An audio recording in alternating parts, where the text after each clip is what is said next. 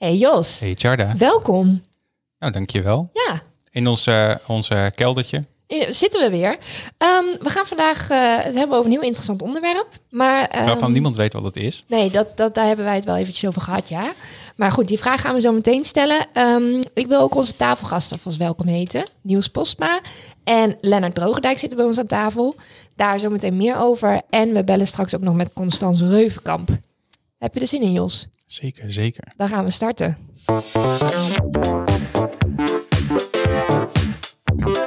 Welkom bij 20 voor 12, de podcast over tech, media en andere gemakkelijke of ongemakkelijke onderwerpen. We praten met vrienden van de show die ergens misschien wel iets vanaf weten. Speciaal voor Groningers en daarbuiten ook internationaal beschikbaar via het internet. Dit zijn je hosts Joshua Peper en Chada Polderman. Ja, heren, welkom. Niels en Lennart. Dankjewel. Ehm, bij wie zal ik beginnen? Wat jij wil. Oké, Lennart, dan beginnen we met jou. Eh, jij bent op dit moment Managing Director Business Development Friesland. Correct. Ja. En ehm, welkom. Je hebt eh, als eerste, kom je uit het noorden? Nee, Waar kom je vandaan? Amsterdam. Amsterdam. Hoe ben je ooit in het noorden terechtgekomen? Eh, ja, hotelschool Leeuwarden gekozen. Ja. eh, als eh, school na mijn opleiding. En eh, naar, mijn ouders verhuisden eigenlijk tegelijkertijd ook naar Jouren. En, Dus ik startte vanuit Jouren in Leeuwarden. En heel snel daarna een kamer natuurlijk in Leeuwarden. Ja, Ja, en toen ben ik eigenlijk blijven hangen. Via de rug. nooit meer weggegaan. Nooit meer weggegaan. Sneek gewoond. en Grauw gewoond. En nu in Idaart. Idaart. Idaart. En wat, waar, waar ligt dat? Dat ligt tussen Wirdum en Grauw. En Wirdum Grauw is is misschien bekend. Maar Weerdum ligt in Groningen, toch? Nee, ja, ook, ja, ook in, in, eh, in eh, Oh, Friesland. Er zijn er twee van. Ik woon in Haren. Oh, Er zijn er ook drie van. Dat is ook heel handig. ja, ja, Ja, heel ingewikkeld. Lennart, jij zit vandaag eh, onder andere bij ons ook aan tafel. Want het gaat hebben over start-uppen in de EDR. ja. Ehm, nou, dat, dat is, eh, eh, misschien is EDR een vaag begrip, maar, maar dat mogen jullie ons zo meteen uitleggen. Eh, want jij bent voorzitter van Incubator Leeuwarden. ja, founder en voorzitter. Ja, En kun je ons een beetje vertellen wat dat precies is? Of wat je daar precies doet? ja eh, daar help ik starters met groeien. Eh, zoals een incubator betaamt. Ja. Eh, dus eh, tien jaar geleden vonden we het wel tijd, ik geloof dat het ruim tien jaar geleden is, dat er een incubator kwam in Leeuwarden. En ik heb hem gestart. Mhm. En we doen hem nog steeds. En hoe, hoe kom je zo van, ik ga dat starten? Ja, hoe kom je daar zo bij?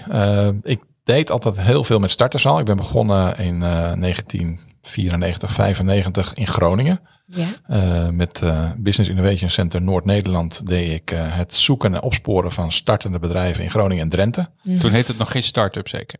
Toen heette het nog geen start-up, nee, het was gewoon een starter. Ja. Ja. En eh, eh, nou ja, dat, dat start-up is natuurlijk ook een gevleugeld begrip en niemand weet precies wat het is. Nee. Eh, dus laten we het starters noemen. En, eh, maar starters is wel heel leuk. Het zijn vaak jonge mensen. Het zijn altijd nieuwe ideeën. eh, vol met energie en inspiratie. En ja, dat vond ik op de universiteit al leuk. Dus ik ben afgestudeerd in, in ondernemersgroei en, en MKB.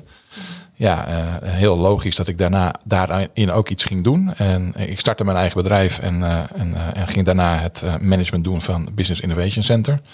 Ehm, waarbij ik opsporen van startende ondernemers als target had. ja. En dat was, was super gaaf. En, En dat, dat- heb ik daarna in Friesland gedaan. En Ja. ja, als business development Friesland. En dat doe je ook nu nog 40 uur in de week? Nou, wat is 40 uur in de week? Ja, Gewoon, Misschien eh, wel van meer. misschien wel meer, misschien wel minder. Mhm. Eh, ik, ik, eh, starters is gewoon eigenlijk een soort van hobbyproject voor ons. Ehm, je verdient er namelijk niets mee. Hoe verdienen jullie dan je geld? Met Business Development Friesland verdienen wij ons geld met Europese subsidies. Oké. Dus wij vragen die aan voor kennisinstellingen, scholen, universiteiten, mbo, andersoortig. En andere partijen, semi-overheden met name. En daar verdienen we ons geld. En jij bent ook betrokken bij eh, eh, Startup EDR? Ja. En eh, daar gaan we het zo meteen eerst over hebben. Want tegenover jou zit iemand die je ook kent, Niels Posma. Ja, hallo. Welkom. Ja, hi, dank Jij bent eh, eigenaar van Tap Online. Klopt. Dat is cool, want ik heb een keer een nieuwsbericht over jullie gezien dat jij in Amerika zat. Ja, ja, ja, dat was in eh 2020. eh, Ja. Eerste week van, eh, van 2020 was dat. Ja, ik deed mee aan een business challenge van de Kamer van Koophandel. Mhm. Samen met, ik denk, iets van 900 bedrijven. Ehm, en die won ik. En de hoofdprijs was, een, eh, was deelname aan die, eh, aan die grote techshow in Amerika, de CES. Oh, Ja. daar was je. Ja, Ja. daar waren best wel veel mensen uit Groningen toen de tijd. Vorig jaar? Eh, ja, 2020. Ja. Ja, er waren er Oh. best wel veel. Want dat moet begin 2020 Ja, zijn klopt, geweest. dat want daarna kon je natuurlijk moeilijk vliegen. Ja, want afgelopen, afgelopen CES was alles eh, streaming, geloof ik. Ja, dus niks. eh, ja. Nee. En eh, jij komt uit Joren. Ja. En jij hebt rechten gestudeerd aan de UvA. Ja.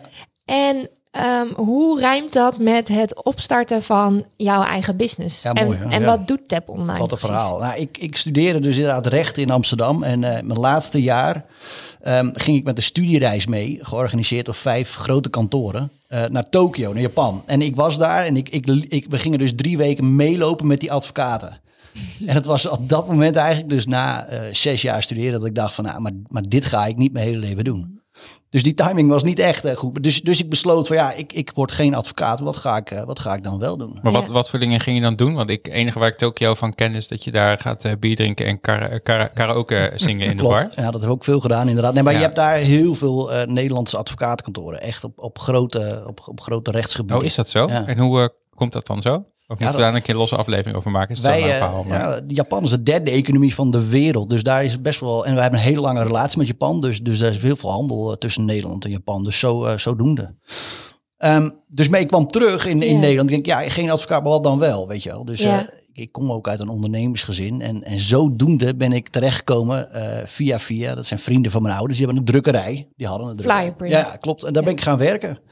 Ehm, want zij zeiden van ja, wij, eh, wij willen er binnenkort wel eens mee ophouden. En dan zoeken we eigenlijk iemand die dat wil overnemen. Wil jij dat dan eh, doen? Ik zei, nou ja, vast. Ik, ik weet niet het verschil tussen Ja. een printer of een pers. Dus nou, ik, prima, ik ga wel kijken. Ja. Dus dat heb ik gedaan. En nou ja, toen ben ik, ik ben daar natuurlijk terechtgekomen. Maar ik had een hele andere blik op papier dan mensen uit het vak hebben. Ja. Weet je wel? En, en verandering van, van bestaande industrieën komt toch vaak van buiten. Weet je wel, niet echt van binnen. Dus dat was bij dit ook. Dus ik, ik keek naar papier. Ik denk, ja, weet je, als ik nog 40 jaar lang enveloppen en briefpapier moet gaan drukken, Ja. weet je, dat wordt wel, eh, dat wordt wel moeilijk. Dus eh, ik dacht van, ja, weet je, auto's worden slim, lampen worden slim, koffiezetapparaten worden slim. Waarom, eh, waarom papier Ja. niet eigenlijk? Dus ik heb gedacht van ja, ik, ik wil papier eh, intelligent maken. En dat is, daar ben ik mee begonnen. En inmiddels ben ik weg bij de drukkerij. En dan heb ik dat voor mezelf, ben ik dat voor mezelf gaan doen. Want Tap Online is gestart in 2018. Ja, 2019. 2019. Ja, ja. En, en je zit ook in Jouren? Ja. Met, met hoeveel man? Nou, we zijn, ik, ben, ik ben het alleen begonnen. Ik heb inmiddels een co-founder, dus we zijn met z'n tweeën. Ehm, en we werken veel samen met de programmeurs die we inhuren. Oh ja. Ja, ik had dat Ja. eigenlijk Dat iets gaat anders. via, via freelancers, eh, zeg Ja, maar. ja. Ja.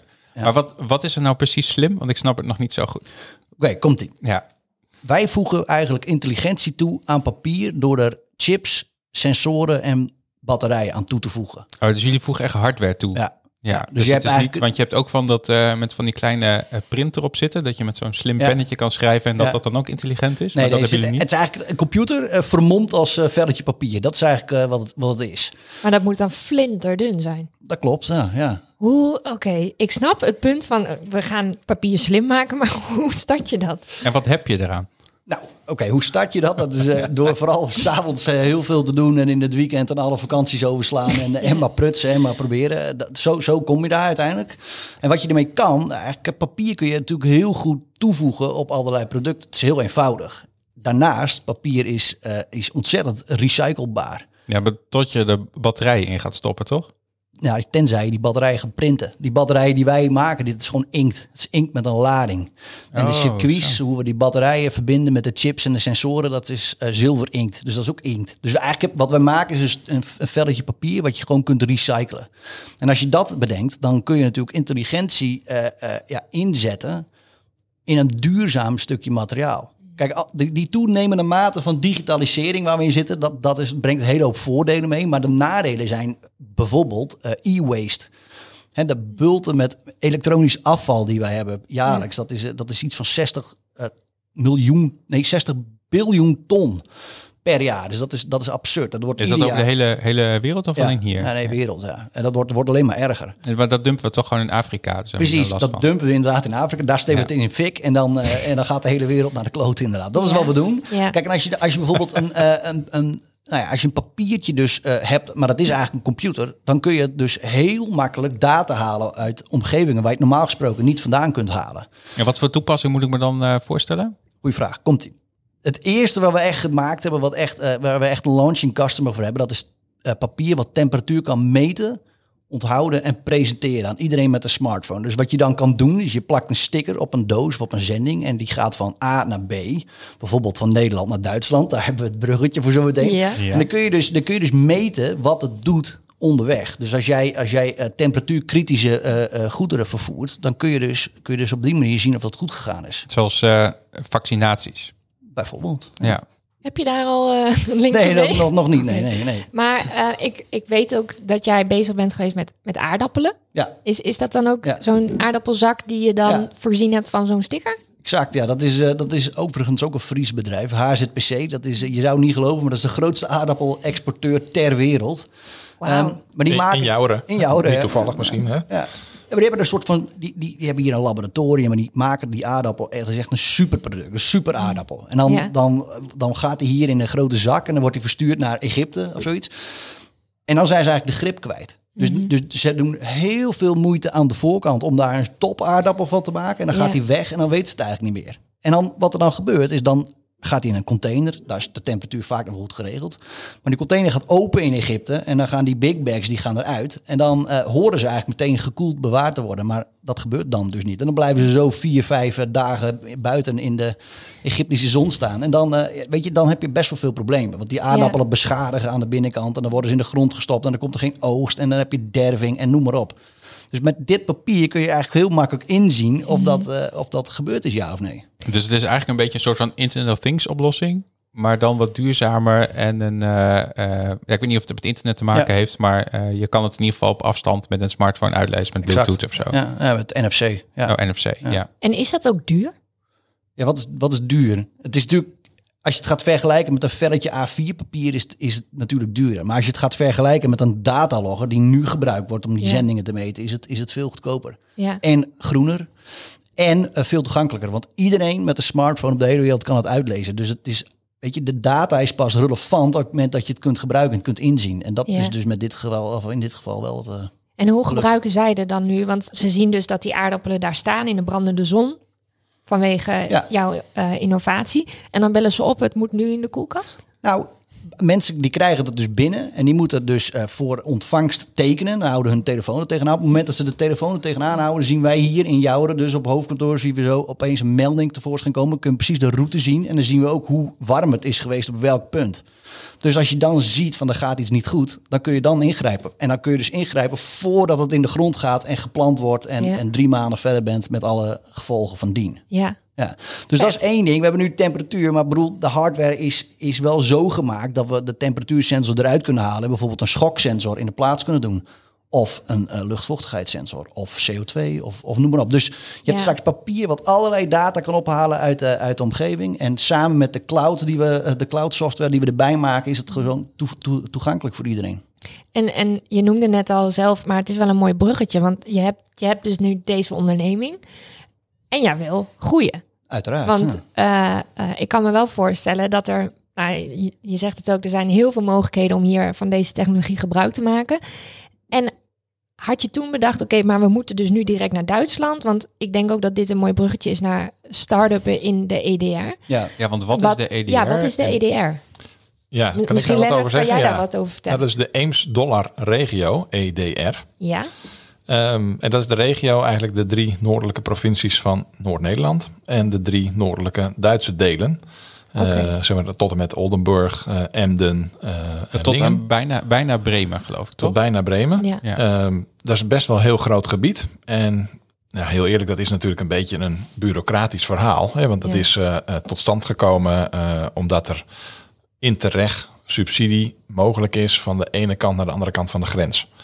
Ehm, dat is natuurlijk een mooie bron van geld om allerlei dingen eh, toegankelijk te maken en voor elkaar te krijgen. En eh, EDR is daaruit ontstaan. Ik moet eerlijk zeggen, ik weet niet eens wanneer. Eh, misschien dat jullie daar research naar gedaan hebben, maar dat is denk ik een jaar of acht geleden of zo, misschien of twaalf. En sindsdien is die regio er. En ja, ehm, toen wij daarvan hoorden, via de Hans Hogeschool, ja. Ehm, ja, toen, toen bleek wel dat het een hele leuke methode was om dan ook ondernemers tussen de ene en andere kant van de grens bij elkaar te gaan brengen. Ja, En dan met name op start-up gebied. Eh, en dat is eigenlijk wat het EDR Startup project is. Om ondernemers aan elkaar te gaan koppelen. Oké, dus wacht even. Er is een regio uitge, uitgevonden. Uitgevonden. Omdat Ja. er dus zeg maar eh, van eh, de Europese Unie kun je dus wat geld krijgen als je dus over de grens handel gaat doen. Ja, en dat is echt op allerlei gebieden, in alle grensoverschrijdende stukken in Europa, is daar wel zo'n soort van EDR-regio Ja, ja, gemaakt. dus het is een nagemaakt van een ander, andere regio Nou, ergens bij, de Pyreneeën is het zeg maar tussen Spanje en Frankrijk en eh, Ja. Italië tussen Oostenrijk en Italië, noem maar op. En het, eh, wat grappig. Ja, ik wist helemaal niet dat het bestond. Hè? Dus wij, wij eh, Charter kwam aan met het Ja. onderwerp, omdat jij hebt met Founded in Groningen ge- Ja. gebabbeld. En Mhm. die kwamen hiermee. Ik zei, nou, ik weet niet eens, ik weet niet wat het is. Is dat een soort van DDR? Maar dat lijkt dan toch weer toch wat anders dan weer Net te even zijn. anders. Ja, en dus eh wij dachten echt van, nou, dit, eh, dit weten we ook niet. Nee, en het idee is natuurlijk om, omdat, omdat je zo dicht bij de grens zit. En dat, dat de cultuur van die mensen die daar aan beide kanten wonen, dat die toch relatief wel gelijk is. En, hè, en heel erg op elkaar lijkt. Nou ja, Oost-Friesland eh, en, de, en de taal enzovoort, dat, dat begint Ja. al wat op elkaar te lijken. Ja, als je in leren komt, kan je best wel met dat platte, platte Gronings kom je een best heel wel een eind? Ja, Ja, ja. ja. Dus eh, eh, het zou ook heel normaal zijn als er gewoon meer handelsrelaties zouden zijn. Ja. Eh, en die zijn er gewoon niet zoveel. Maar die was er vroeger natuurlijk wel, volgens mij. Maar dat Vroeger, is toen- vroeger. Ja, heel vroeger vroeger, Ja, zeg ja, maar. ja. Voordat je Ja, die de eh, landsgrenzen zo, Met hard Hanse had. steden in, in 1000, eh, 1200 of zo. Ja, daarom. Dus er was natuurlijk altijd wel handel. Ja. En op de duur zijn er landsgrenzen tussen gegooid en andere, andere geldeenheden. En toen werd het allemaal lastiger. Toen werd het anders. Ja. Eh, maar goed, eh, eh, EDR is, is in die zin eigenlijk een gebied waar, waarin mensen gestimuleerd worden om met elkaar gaan te samenwerken. En of dat nou op researchgebied is of ondernemerschap, dat is aan de mensen die daar iets indienen, een project indienen. En een project heeft een kop en een staart. ja. En, en zo heeft ons project dat ook. En wij, wij proberen ondernemers eigenlijk aan elkaar te koppelen. En, en, en jij bent er dan betrokken bij met, met jouw onderneming. En ehm, eh, hoe, hoe vind jij dan zo'n partij? Nou, toen ik, toen ik terugkwam dus uit eh, van die CES in 2020, toen, toen zag ik wat voor effecten dat heeft als je met een georganiseerde groep daar naartoe gaat. Het Tech Leap was toen, eh, was toen de verzamel, het verzamel. eh, Oh, daar hoor jij bij. Ja, die kennen we ook wel. die kennen Dus we ja. wel. Kijk, ik, ik miste eigenlijk zoiets in Friesland. Ik wist niet waar dat was. Dus ik heb dat toen uitgezocht. Dus zo kwam ik bij Founded in Friesland en eh, vervolgens bij Incubator aan. En, Ja, daar Founded in Friesland, even voor de luisteraars, dat is de eh, eh, zusterorganisatie van Founded in Groningen. Ja. ja, ja. Nee, kijk, en, en dan merk je al heel gauw hoe, hoe goed dat is om, om je aan te sluiten bij dat soort, eh, bij dat soort groepen. Want, want ja, je netwerk wordt veel groter. Dus, dus toen, eh toen Lennart zei van nou, ik organiseer zoiets dan en doe je mee. Eh, ik zeg altijd ja op dat soort dingen. Dus, dus zodoende ben ik daar, eh, ben ik daarbij bij, eh, bij gekomen. We hebben toen een keer een, een webinar, hè, die heb je georganiseerd, Ja. Lennart. Daar heb ik aan meegedaan. En daar, nee, er zijn best wel veel leads uitgekomen al.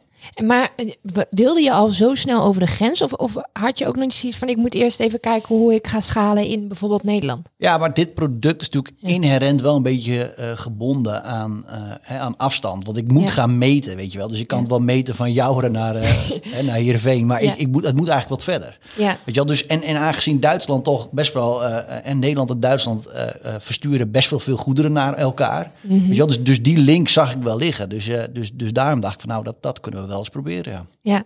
En, en jullie... oh, jullie Ja, daarnaast zijn er natuurlijk heel veel Duitse bedrijven in, in dit gebied. Ja. Die best wel groot zijn en eh, waar je misschien best wel wat mee kan. Ja. En dus eh, eigenlijk onze oproep naar onze Duitse collega's was ook van... hé, hey, we hebben Tap Online, eh, die doet dit. Mhm.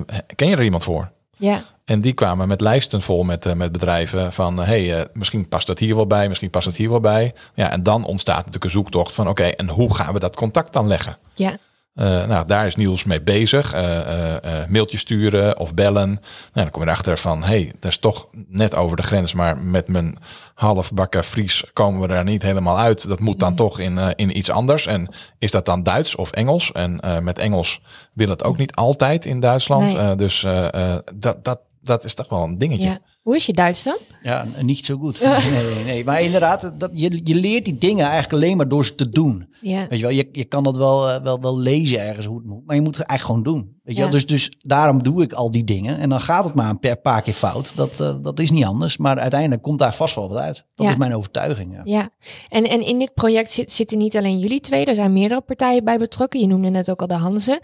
Andere partij die wij ook gaan bellen is eh, Zero to One. En we gaan bellen met Constance Want zij is co-founder en managing director daar. Ehm, ik ga even kijken of zij op gaat nemen.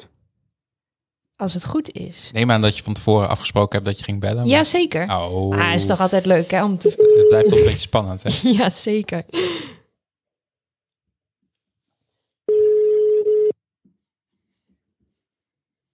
Spannend. Hallo. spannend. Hi Constance, welkom. Zeg ik dat goed? Hallo. Wat zeg je? Zeg ik jouw naam zo goed? Ja, toch? Ja, absoluut. Ja, oh. Welkom, je zit in de podcast, dat wist je natuurlijk al. Ehm, we hebben het heel kort al eventjes eh, gehad over eh start-up in de EDR-regio. En eh, zowel Lennart als Niels hebben net uitgelegd waar die connectie al zit.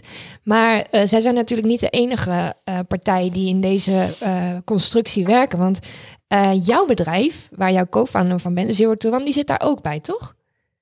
Yes, dat klopt. En ehm, wat doe jij precies? Nou, ik ben daar eh, managing director eh, en tevens ook co-founder. Ehm, daarnaast, ja, het lijkt een beetje op wat Lennart doet eigenlijk. Wij helpen ook starters om te groeien. En Mhm. daarnaast eh, passen wij die kennis ook toe in allerlei projecten. Dus projecten zoals deze, maar ook projecten waarbij we verdienmodellen valideren, ehm et cetera. En, en hoe ben jij zo in contact gekomen met dit project? Ehm, ja, Hanse heeft ons benaderd eh, daarvoor. Eh, die hebben destijds een onderzoek gedaan. Eh, Mhm. Daar is ook het hele project op gebaseerd. Ehm, samen met Enden Leer trouwens. Mhm. En eh, voor dat onderzoek zijn x aantal partijen ook geïnterviewd. En daar waren wij ook een van. Ja, ik heb met Diederik eh, Bakker, dat is de onderzoeker, eh, gesproken in de inderdaad dat eh, onderzoeksfase.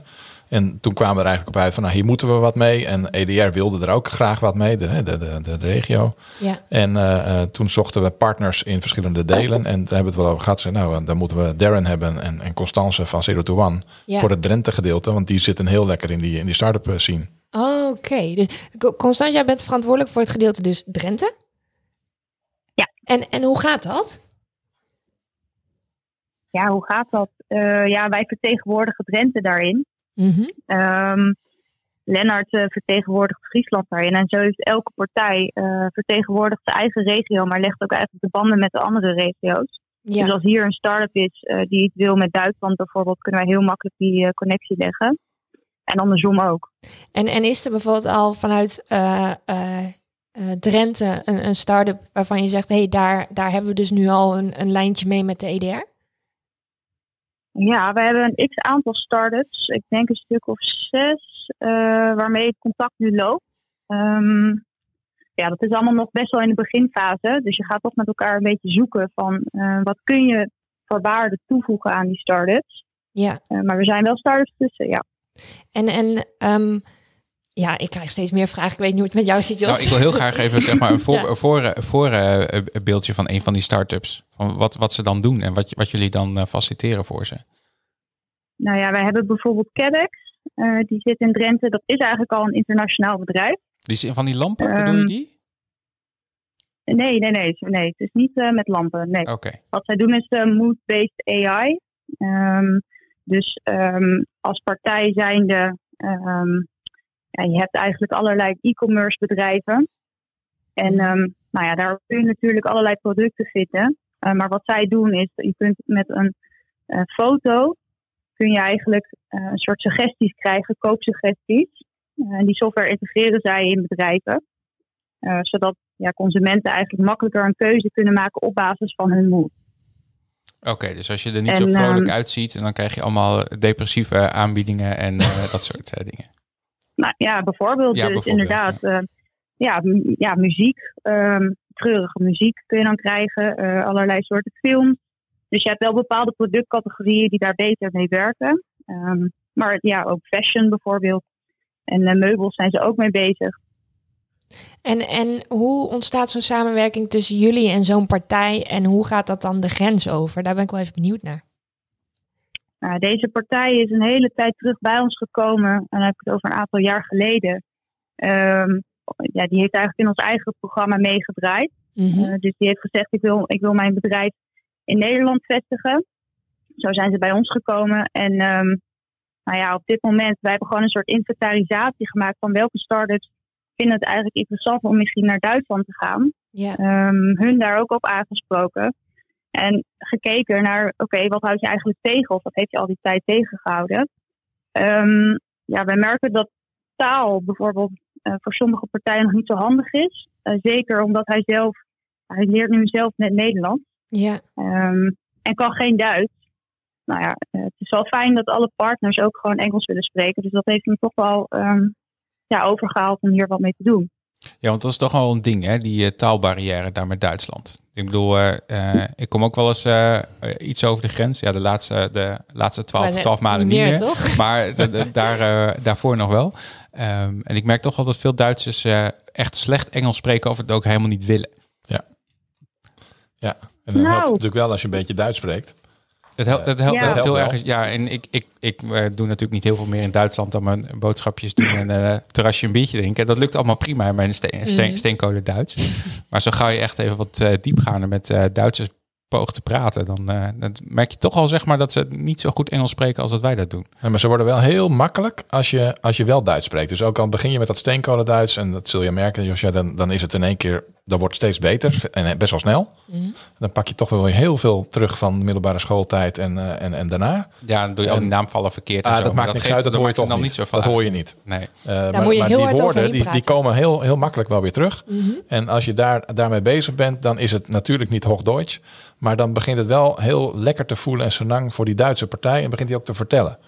En dan, hey, we hebben mer ik merk in, die, in het project dat heel veel Duitse partners die vinden het eigenlijk lekkerder om in Duits te spreken. En Ja. ze doen wel een poging in het Engels, maar denken, joh, weet je, ik ga wel even in Duits, want dat is makkelijker, Mhm. gaat sneller. Ja. En eh, eh, Dat, merk je hier ook wel, hè? Als eh, de, de, de, de, nou kijk, wij komen dan een beetje uit die start-up scene, dus wij zijn net zoveel Engels als dat wij N- Nederlands Ja. praten, maakt niet zoveel uit.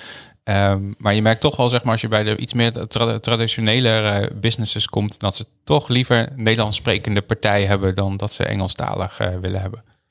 Ja, en, en Constans, ehm, hoe gaat dan zo'n eh, ja, hoe gaat dan zo'n samenwerking ook in het project zelf? Want je zegt al, wij zijn verantwoordelijk voor het Drenthe-stuk en, en Lennart is verantwoordelijk voor Friesland. En hoe spreken jullie met elkaar? Uh, ja, heel erg vanuit de praktijk. Dus um, Ja. als er een start-up bij ons is en die heeft iets nodig, um, ja, dat kan van alles zijn. Startups zijn continu naar van alles op zoek. Um, dan gaan we gewoon kijken naar wat zou daarbij passen. Dus sommige startups zeggen heel concreet van joh, ik ben wel echt geïnteresseerd in Duitsland. Ja, Voor sommige andere uh, startups is het, ik ben op zoek naar launching customers in een bepaalde ja, industrie bijvoorbeeld. Dus op basis van um, dat soort connecties, en dat kan dus zijn industrie, dat kan zijn internationalisatie of iets heel generieks, um, doe je toch dat voorstel uh, aan die partners van, hey, kunnen jullie hier iets mee? Hebben jullie hier connecties in, een netwerk, ja. et cetera? En zo proberen we elkaar toch op weg te helpen. Ja, dus het is echt heel erg inzet van netwerk, wat, eh, wat zo'n start-up ook heel erg verder kan helpen. Yes. En eh, wat is voor jou het grootste succes aan, aan deze, ja, hoe, hoe, hoe deze samenstelling eh, is? Um, ja, het grootste, het grootste succes. Nou, ik vind het heel prettig dat alle partners gewoon heel erg openstaan om die startups op te vangen. Want het is toch zoeken met elkaar. Um, maar hoe ga je die startups samen ook helpen? En ook met alle bureaucratische verschillen met Duitsland. Mhm. Um, dat dat redelijk soepel gaat. Um, soepeler dan verwacht, denk ik. Uh, ik denk dat dat wel een succes is. Dus het feit dat wij gewoon startups daar naartoe kunnen sturen en dat die ook echt op weg worden geholpen. Uh, ik denk dat dat al heel erg mooi is. ja. Is er nog iets waarvan je zegt, hey, als, iemand bij ons moet zijn, dan, dan kun je dat het best op deze manier doen? Of is er nog iets wat je, eh, ook voor onze luisteraars, eh, die soms ook een eigen start-up hebben, daarin wil achterlaten? Um, ja, um, ik denk dat wat heel interessant is, is ja, ik denk dat het altijd goed is om te kijken naar internationalisatie. Of gewoon naar een andere plek waarop je iets kunt vinden. Dus dat je niet altijd dichtbij zoiets hoeft te zoeken. Ehm, ja, en voor de rest, ik, je, je kunt gewoon contact opnemen met Lennart of mij of iemand anders van het consortium. Om gewoon ja, uit te zoeken eh, of wij je verder kunnen helpen. Ja. Nou, dat is wel handig. Vind ik ook. Lijkt, Ja. lijkt mij ook, ja. en als eh, mensen jullie makkelijk willen vinden, hoe, eh, zijn, eh, hoe, ja, hoe eh, werkt dat dan precies? Want ja, wij de- hebben een e-mailadres daarvoor. Dan moet ik toch echt even kijken wat het e-mailadres alweer gewoon is. gewoon is googlen op lang 0 to e-mailadres. 1 of op Incubator Leeuwarden met Dat een Q. mag ook, En dan, dat eh, mag dan, ook. dan kom je er altijd achter. En hoe heet de Groningse versie? Dan was allemaal Hans gehad. Hogeschool. Dat is gewoon de Oh, Hanse dat is de Hogeschool. Hanse. Oh, oké. kijk aan. Ja. Ah, die, die kunnen we allemaal wel. snel Die kunnen we vinden. allemaal Die vinden. kunnen we wel makkelijk vinden, ja.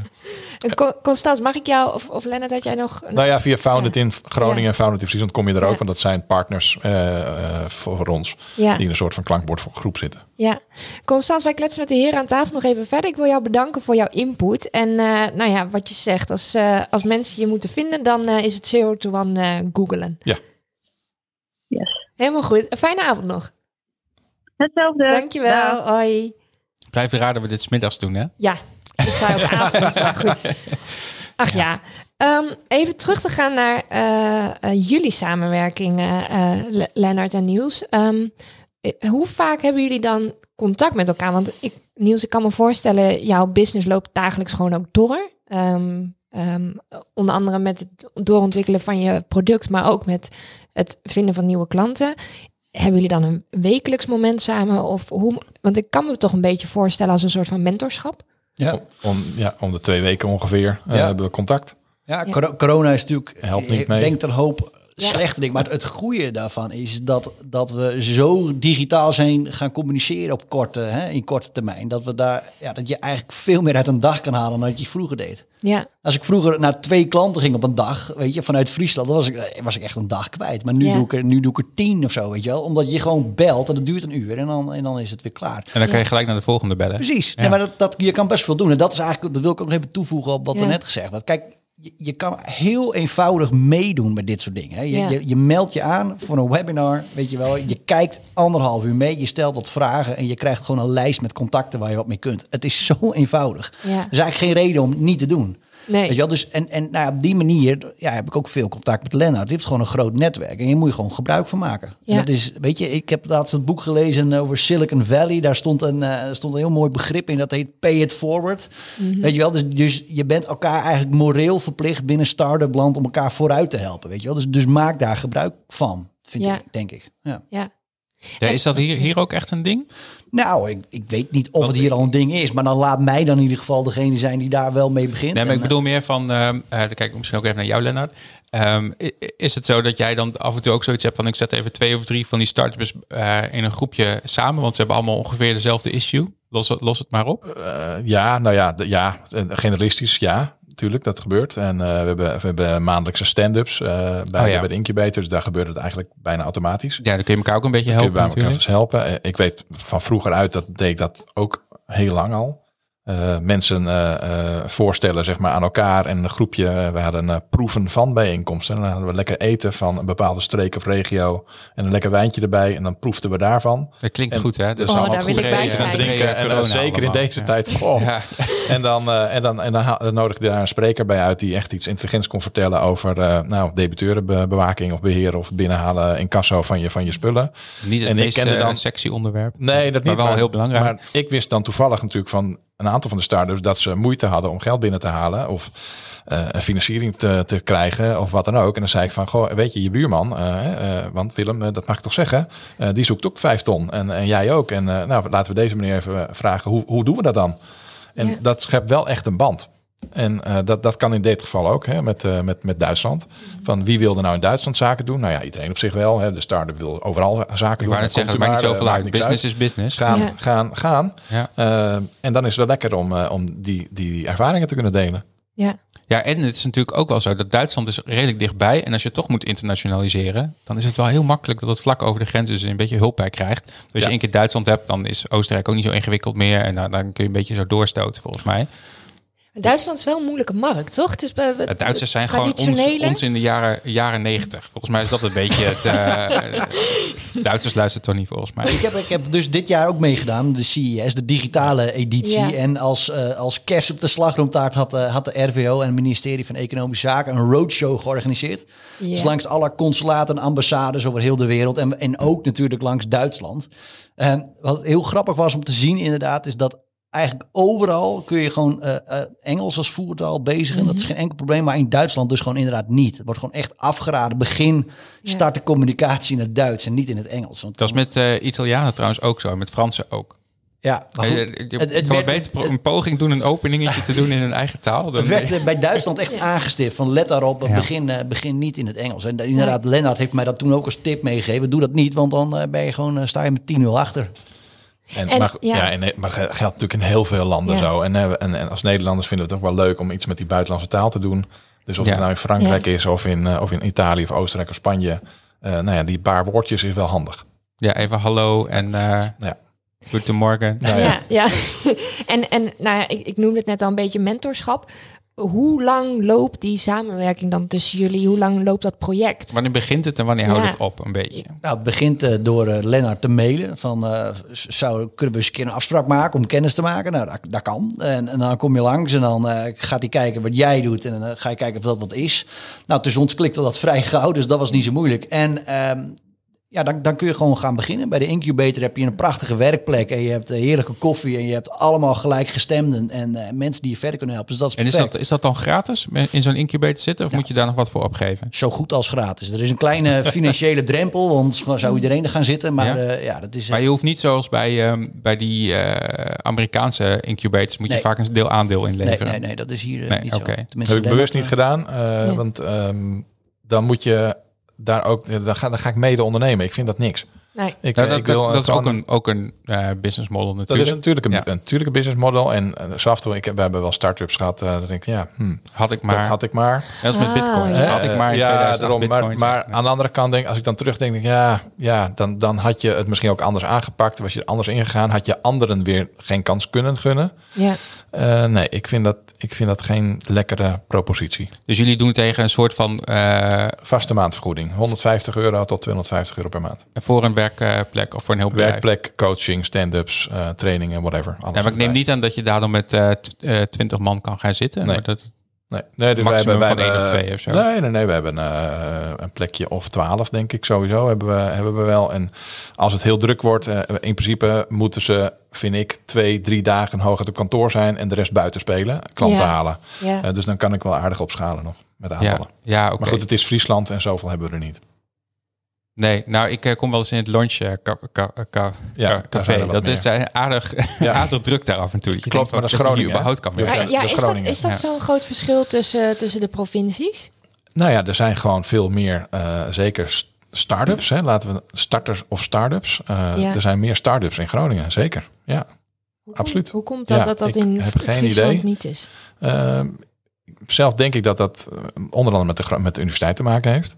Ja. Uh, met, ja, uh, met, uh, met UMCG. daar zitten toch wel heel veel mensen en uiteindelijk heel veel technologie en ontwikkeling van technologie. Ja, daar zijn spin-offs van. En dat wordt een start-up. Ja. dat wordt een schaalbaar iets. Ja. En daar hebben we gewoon minder van in Friesland. We hebben in Friesland uh, Wetsers. Mm -hmm. daar hebben we dus water-startups. die zijn er wel, maar dat zijn er gewoon niet zo heel veel. Nee. Water-startups? Water, ja, startups die met iets met watertechnologie doen. Oh ja, oké, op die manier. Niet die in een bootje op het water drijven, nou, Jos, om vervolgens daar. Uh... Nee, nee, ja, ik weet het niet. Nee, nee dat kan. Maar watertechnologie, uh, startups, en uh, dat is hartstikke gaaf. Dat is een goede, uh, goede technologie natuurlijk. maar voor de rest hebben we niet vreselijk veel op dat scale-up gebied in Friesland. Dus er zijn er gewoon minder. Dus um, dat geeft niet. Helpt zo'n Startup EDR-project dan ook daarbij? Heb je dat dan ook echt nodig om dat met elkaar te kunnen faciliteren? Of nou, de, de start-up EDR helpt in zoverre dat je. Kijk, een van de afgeleide doelstellingen om mee te doen is natuurlijk. Wij vinden misschien wel een Duitse start-up die zegt: hey, uh, ik A kan koppelen aan een Nederlandse, Friese start-up. Ja. Of B, ja, die Nederlandse markt ga ik vanuit Friesland bedienen. Ja. Uh, en dan halen we een speler naar Leeuwarden toe. Ja, of dat is wel Snake mooi. of Jouda of whatever, dat maakt me niet uit. Nee. Eh, dus dat is wel leuk. En eh, daarvoor doe ik wel meer dingen. Ik doe ook eh, dingen voor eh, het Startup Visum programma. Is van Mhm. de RVO om eh, eh, non-EU startups naar, eh, naar het noorden te krijgen, naar Friesland te krijgen. Met Dat die hebben we in reden. Groningen toch ook? Hebben we in Groningen ook. Ja, zeker. Groningen ook, ja. Dus eh, en dat hebben we in Groningen en, eh, ehm, en in Friesland en Drenthe. Eh, dus dat is wel een reden om te zeggen, hey, laat zo'n start-up landen in, eh, in, in Friesland. En voor iemand uit India eh, die acht uur moet reizen, omdat, zodat hij in Mombasa kan komen en dan twaalf uur moet vliegen naar Amsterdam. Ja, is anderhalf uur in Amsterdam echt niet, eh, echt niet Nee. interessant. Nee. Dus eh, die vinden zichzelf vreselijk dicht bij het westen zitten. Ja. dus dat is echt een andere mindset. Dat is ook zeg maar, als je En- eerst in India zat, dan zit je nu al vrij dicht bij Amsterdam. Dat ja, is ook zo. India is vrij Ja. ver weg. Dat is zo. Maar goed, eh, de, de afstandperceptie is wel heel anders van die buitenlandse en zeker non-EU startups. Eh en, en dan maakt Friesland tot en met het westen of Eindhoven of zo niks uit. Nee. En dat is wel gaaf. Ja. En, en Niels, heb jij dan ook veel contact met, met andere start-ups die bijvoorbeeld bij incubators zitten? Eh, ja, kunnen jullie elkaar daar ook dan in helpen? Zeker, zeker. Ik doe eh, zelfs zaken al met, eh, met eentje. Dus, dus Oh, dat is wel mooi ja, nee, dat. En je hebt daar, ik- er loopt ook een, een adviseur rond die, die echt heel veel weet heeft van, van bijvoorbeeld subsidies die Mhm. je kunt aanvragen. Dus, dus daar heb ik veel contact mee. Dus ja, maar dat helpt. Weet je, ik denk dat iedere stap zeg maar, die je zet, die, die helpt je toch wel verder. En dus je moet, ja, hoe, moet ik het, hoe moet ik het dus uitleggen? Ik, ik denk niet dat er iets ooit verspeeld is of zoiets. Alles helpt wel op een of andere manier eh, om verder te komen. Ja. Dus, dus zeker als je in zo'n incubator zit, dat zijn allemaal mensen die er hetzelfde over denken. Dat, dat gaat nooit verkeerd zijn. Nee, ja, en eh, de meesten staan ook met de neus dezelfde kant op, denk ik. Dat helpt ook altijd wel in je motivatie. Ja. Dat merken wij op de Startup Weekend bijvoorbeeld altijd Ja. heel erg. Dat je, Ja. iedereen heeft een bepaald doel en die werkt daar maximaal naartoe. Daar krijg je een hele goede sfeer van. Nou, daar krijg je energie van. Ja, dat Ja. heb je nodig. En ehm, eh, wat ik mij nog afvroeg, hè, hoe, ehm, jij doet dus een hardware start-up. En, ja, maar eh, die, ja, die- en software hoor. Ja. Ja, en Ja. Dat, dat begrijp ik. Ja. Er hoort altijd software bij. Maar eh, hardware startups zijn heel duur om te Ja. financieren. Ja. Dus hoe, hoe, hoe heb jij dat, dat gefinancierd? Bootstrappen. Wat is dat? Dat is, nou, kijk, ik, ik heb ook een bepaalde, bepaald idee achter het aandeelhouderskapitalisme. Dus ik, Ja. ik, je kan inderdaad aan de voorzijde geld ophalen bij een investeerder. Maar je kan ook, en dat, en dat doe ik dan, je kan ook kijken eh, om dat samen met je eerste klanten eh, te doen.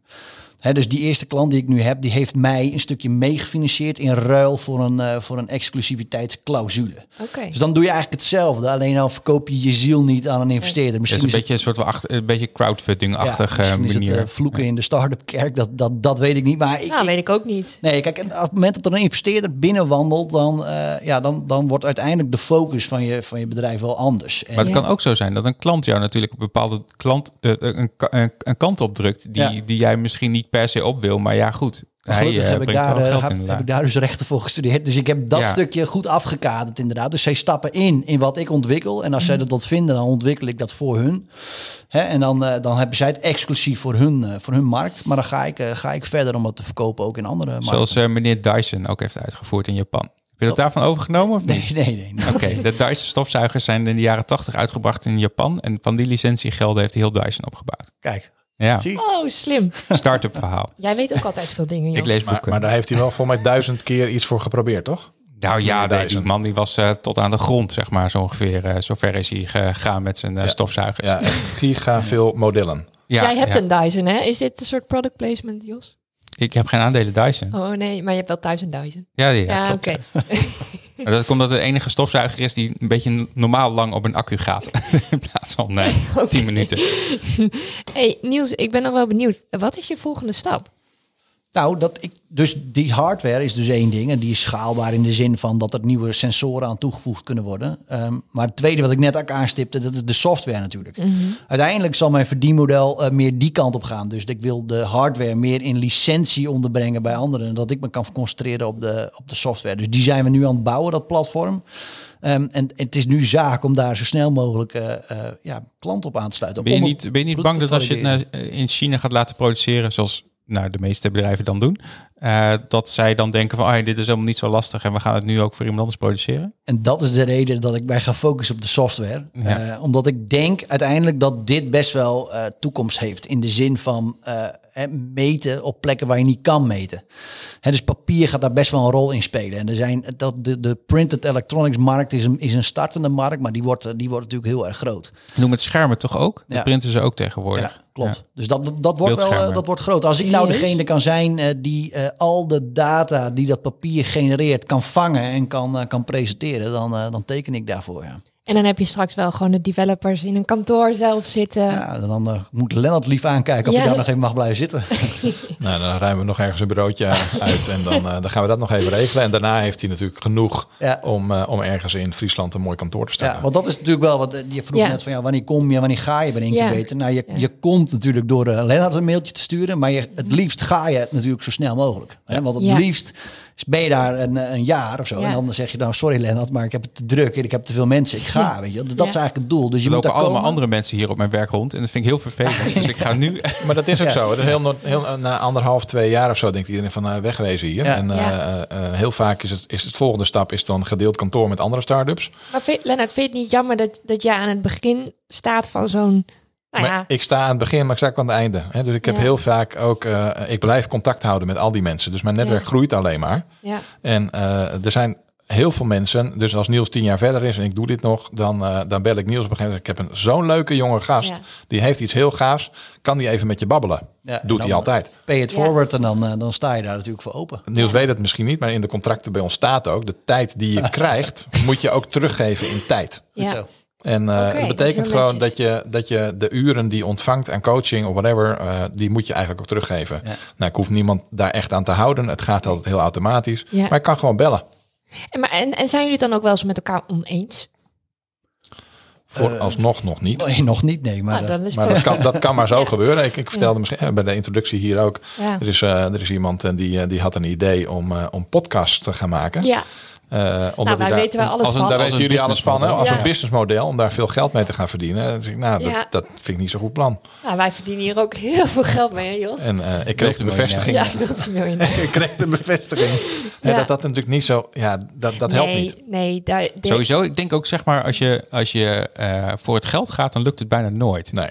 Volgens mij wil je echt dat iets oplossen en dat moet zeg maar dat ding zijn. En dan komt dat geld wel ergens Precies. vandaan. Dat businessmodel kom je wel uit. Ja. Eens. En uh, ja. dus, dus zeg maar zeker niet als sidestep. En uh, het, de, het verlies aan focus voor ja. ondernemers is ook voor mij altijd een hele belangrijke uh, ja. gegeven. Als, als ik dat hoor, denk ik, oh jij paniek, want dit gaat niet goed. Nee. dus als, je, als Niels op een gegeven moment gaat zeggen van ja, ik heb ook iets heel erg gaafs gevonden in, in een totaal andere tak. Dan denk ik, oh, maar hij was toch met dat, met dat papier en dat printen van sensoren bezig. Wat is er aan de hand? Ja. Ik heb, ik heb een, iets gemist. Ja, als je denk ik komt van ik heb een nieuwe cryptocurrency uitgevonden, dan uh, is van ja. nou dat weet Zit ik nou nog misschien in de richting, hè? maar uh, als je als je begint met, uh, oh, met, met geld, asfalt, met asfalt, asfalt of zo, dan, dan denk ik hé, hey, dat klopt niet. Asfalt business. Ja. Hey, goed idee. Jos, jij helpt toch ook wel eens mensen met een start-up? Dat klopt, ja. Ja, ik, ik doe wel eens wat coaching links en rechts, inderdaad, ja. Ja, okay. Maar niet, niet als fulltime Niet vanuit start-up EDR. Niet vanuit Startup EDR. Nee. Nee. Wat ik wel leuk vind om eh, Noorderlingen, ik weet niet of jullie dat kennen, ja. vast wel de Noorderlingen. Ja, zeker. Uh, nou, is echt vreselijk leuk uh, programma van Hans en van uh, ja. NL Stenden. en, maar met al die Noorderlingen hebben we ook contact met dat EDR-project. Mm -hmm. Want ik, ik leek mij gewoon te gek om al die gasten mee te nemen naar Duitsland. En ik zag dat ja. pre-corona voor mij. En toen waren we al bezig met dat EDR. Uh, ik denk, nou, een busje en ja. hupsakee, al die Noorderlingen naar de Universiteit van Oldenburg. Mm -hmm. Daar even kletsen met allerlei start-ups uit Oldenburg. En daarna gaan ze maar even bier drinken in de biergarten. Ja. En dan rijden we daarna wel weer terug. Ja. Uh, en daar ontstaat altijd wat, dat weet ik zeker. Uh, maar goed, dat staat nog op programma, maar dan voor, nou ja, Als het zal juni worden of zo, hoop ik. Of, of, of net, net daarna. Ja. Maar daar verwacht ik wel heel veel van. Dat soort uitstapjes, dan krijg je ook heel vaak business onder degene zeg ja, maar, die met z'n allen daarheen ja. gaan. In klopt. plaats van de plek waar je naartoe klopt. gaat. Maar dat ja. maakt dan vaak niet zoveel uit. Ja, en die Noordelingen komen dus uit en Leeuwarden en uit nou ja, Drenthe en, en Groningen. Dus uh, dan hebben we ook grensoverschrijdend in het noorden van Nederland ook nog allemaal handel. Nou, ja, wat wil je mooi kan meer? worden. Ja, precies. Ik, ik kan me ook wel voorstellen, misschien is dat ook nog wel, vind je dat ook dat er nog wat meer, want wij kennen bijvoorbeeld het hele project niet, dat je nog wat meer kan doen aan de zichtbaarheid van, van wat jullie eigenlijk allemaal faciliteren en helpen in, in zo'n zo'n programma. Ja, want wij zijn natuurlijk niet echt de doelgroep. Hè? Wij zijn niet een start-up. Nee. Maar uh, wat ik me dus wel afvraag, van hoe spelen jullie een beetje in de, in de kijker bij de, bij de start-up markt? Nou, eigenlijk doen we dat uh, vanuit onze eigen regio, vanuit Incubator Leeuwarden naar de nou, bestaande kanalen die ik daar heb. Ja. Uh, en, die, en, die, en die doet de to One en doet de Hanze. Founded in Groningen, Founded in Friesland helpen daarmee. Dus die bekendheid is niet super groot. Nou, heel eerlijk, we hebben ook niet een super budget om daar flink op de trom te roffelen. dus we doen wat we kunnen. We hebben genoeg mensen, genoeg aanwas, genoeg Nielsen, ja. Nielsjes, om, om daar wat mee, mee, mee te doen. En aan de Duitse kant, idem dito. ik zit nu in een van de programma, daar ben ik mentor of coach van, van, van, van Duitse start-up scale-ups. Als die in Nederland wat willen, bellen ze mij. Oké. ja, ook heel leuk. Ja. En volgens mij komt dat wel goed. Volgens mij doe je heel veel leuke dingen. Zeker, alleen maar. Hoor. Jij ook, Niels. Ja, ja. ja. We moeten ook een beetje afronden, want een uur gaat uh, hard voorbij. En uh, wij hebben nog iets op programma staan. En dat is onze vaste column. Over de verkiezings. Dat denk ik. Zullen we hem even instarten? Ja, dat is goed. Kapitalisme. Hoi, ik ben Wilbert. Misschien ken je het wel. Kapitalisme. Ik denk dat het tijd is voor iets nieuws. En dan zeg jij... Ja, maar ondernemers zijn de ruggengraat van ons prachtige landje. Dus ik stem op een kapitalistische partij, zoals de VVD. Waar zouden we zijn zonder Mark Rutte? Wat een onzin. Gisteren werden er versoepelingen aangekondigd. Voor de ondernemers en kapsels. Dan denk ik, waarom gaan de scholen niet eerst open? Waarom niet eerst de burger en dan de ondernemer? Niet dat mijn kapsel er nu ook maar enigszins normaal uitziet, maar er zijn echt belangrijkere dingen dan mijn welig tierende haardos, zoals bijvoorbeeld mentale gezondheid en eenzaamheid. We doen in Nederland net alsof ondernemerschap alles is. Alsof dat alles kan oplossen. Want dat is wat er gebeurt door de partij waar we nu veel al op stemmen. Ondernemers gaan voor. En het gevolg is dat we in een soort Unilever-wereld leven waar de ministers net doen alsof ze het land managen op KPI's en alles smart moet zijn. Maar dan ook nog eens alsof ze bij een bedrijf uit 2005 werken. Echte non-ondernemers. Daarom zeg ik: stem op partijen die het land niet zien als onderneming. Partijen die het systeem bekritiseren of daaruit willen stappen. Waarin ondernemers niet de eerste viool spelen, maar kansen zien en willen bijdragen om het land mooier te maken. Want daar zijn het ondernemers voor. Voor nu een fijne, ondernemende week gewenst. 2021 is al bijna twee maanden oud en nog steeds is dat verrotte kapitalisme er. Aan de slag. Heb jij een tegenwerping zoals, ja, maar jij hebt al een nieuwe anarchistische tattoo gepland op 6 maart? Klopt. Of, heb je Das Kapitaal wel gelezen? Stuur me dan een bericht op Twitter. Ik heet er, ik wil pret. Ja, ondernemerschap, daar hebben we het de hele tijd ook over gehad. Ja, en uh, inderdaad, Wilbert's kapsel. Ja. ja, het is niet oké. Maar die van mij ook niet. Hè? Daar haar zit helemaal en willen jullie allebei ook naar de kapper? Oh, heel, ik wil wel. Ik, ik, heb, ik heb, normaal heb ik nooit echt zo'n ding dat ik graag naar de kapper wil. Maar nu heb ik echt zoiets van... Ik, ik, was, ik heb gistermiddag gelijk een afspraak gepland. Het moet echt, hè? Ja, ja dit, wil ik niet meer. Nee. Hoe is het bij jou dan, Charda? Want jij bent natuurlijk een, een Wij hebben daar geen last van. Nee, dus jij kan gewoon in principe je haar laten groeien. Je krijgt een beetje dode puntjes, maar dat, dat is het dan toch? Ja, zijn mijn punten dood? Ja, dat weet ik niet. Ik, heb toch geen, ik ben toch geen kapper? Nou ja, ik heb er niet zo heel veel last van. En eigenlijk vind ik dit wel heel fijn. Want normaal krijg je als vrouw soms een opwelling om ineens naar de kapper te gaan. En dan moet het helemaal anders. Ja, met 300 euro lichter en, en, en 3,5 uur. Ja, klopt. En dan is je haar dood, want het is helemaal kapot geverfd. Dus ik heb daar, ja, eigenlijk helpt me dit wel. Oké, dat kan. En je en 300 euro over. Precies. En je kan niet naar de kroeg en je kan dit niet, je kan dat niet 1000 euro over. Eigenlijk ben ik hartstikke. Nou ja, nee, dat is niet zo. Maar goed. Ehm, we zijn aan het einde van onze podcast. Uh, ja, Niels, mag ik jou bedanken voor je tijd en je informatie. Ik denk dat we heel veel vragen hebben gesteld. Um, is er nog iets wat je wil zeggen? Nou, nog een laatste oproep. Heb je nog iets je nodig? Doen. Nee, nee, dat heb ik, dat heb ik niet. Nee, ik wil jullie bedanken voor, de, dat ik hier mocht zijn. Ja, jij ook bedankt. Jos, uh, de volgende. Nee, wacht, we moeten nog afsluiten. Sorry. Ja. Want um, ja, als je het leuk vindt om behind the scenes te kijken, of de vlog van Jos, of onze deepfake video's, volg ons op Instagram, Twitter of LinkedIn. Daar zitten we ook. Of YouTube. YouTube, die kan ook. Heb je nou uh, vragen? Wil je meedenken? Wil je meepraten? Of wil je mee helpen met onderwerpen? Uh, word dan lid van onze schaduwredactie. Uh, op de Telegram groep. Die link staat in onze notes en die kun je ook vinden bij ons op de website. Vond je het nou een leuke show? Geef ons een 5-star rating op Apple Podcast. Vind je het niks? Uh, laat dan vooral niks van je horen.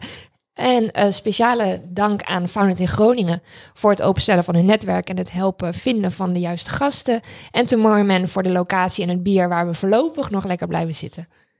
Wat een mooie afsluiting. En wat gaan we volgende keer doen? Nou, dat weten we nog niet. Nee, dat is een verrassing. Dat is een verrassing. Dus uh, wij gaan daar denk ik zo even een biertje over drinken. En dan uh, tot, uh, tot de volgende keer. Tot de volgende keer.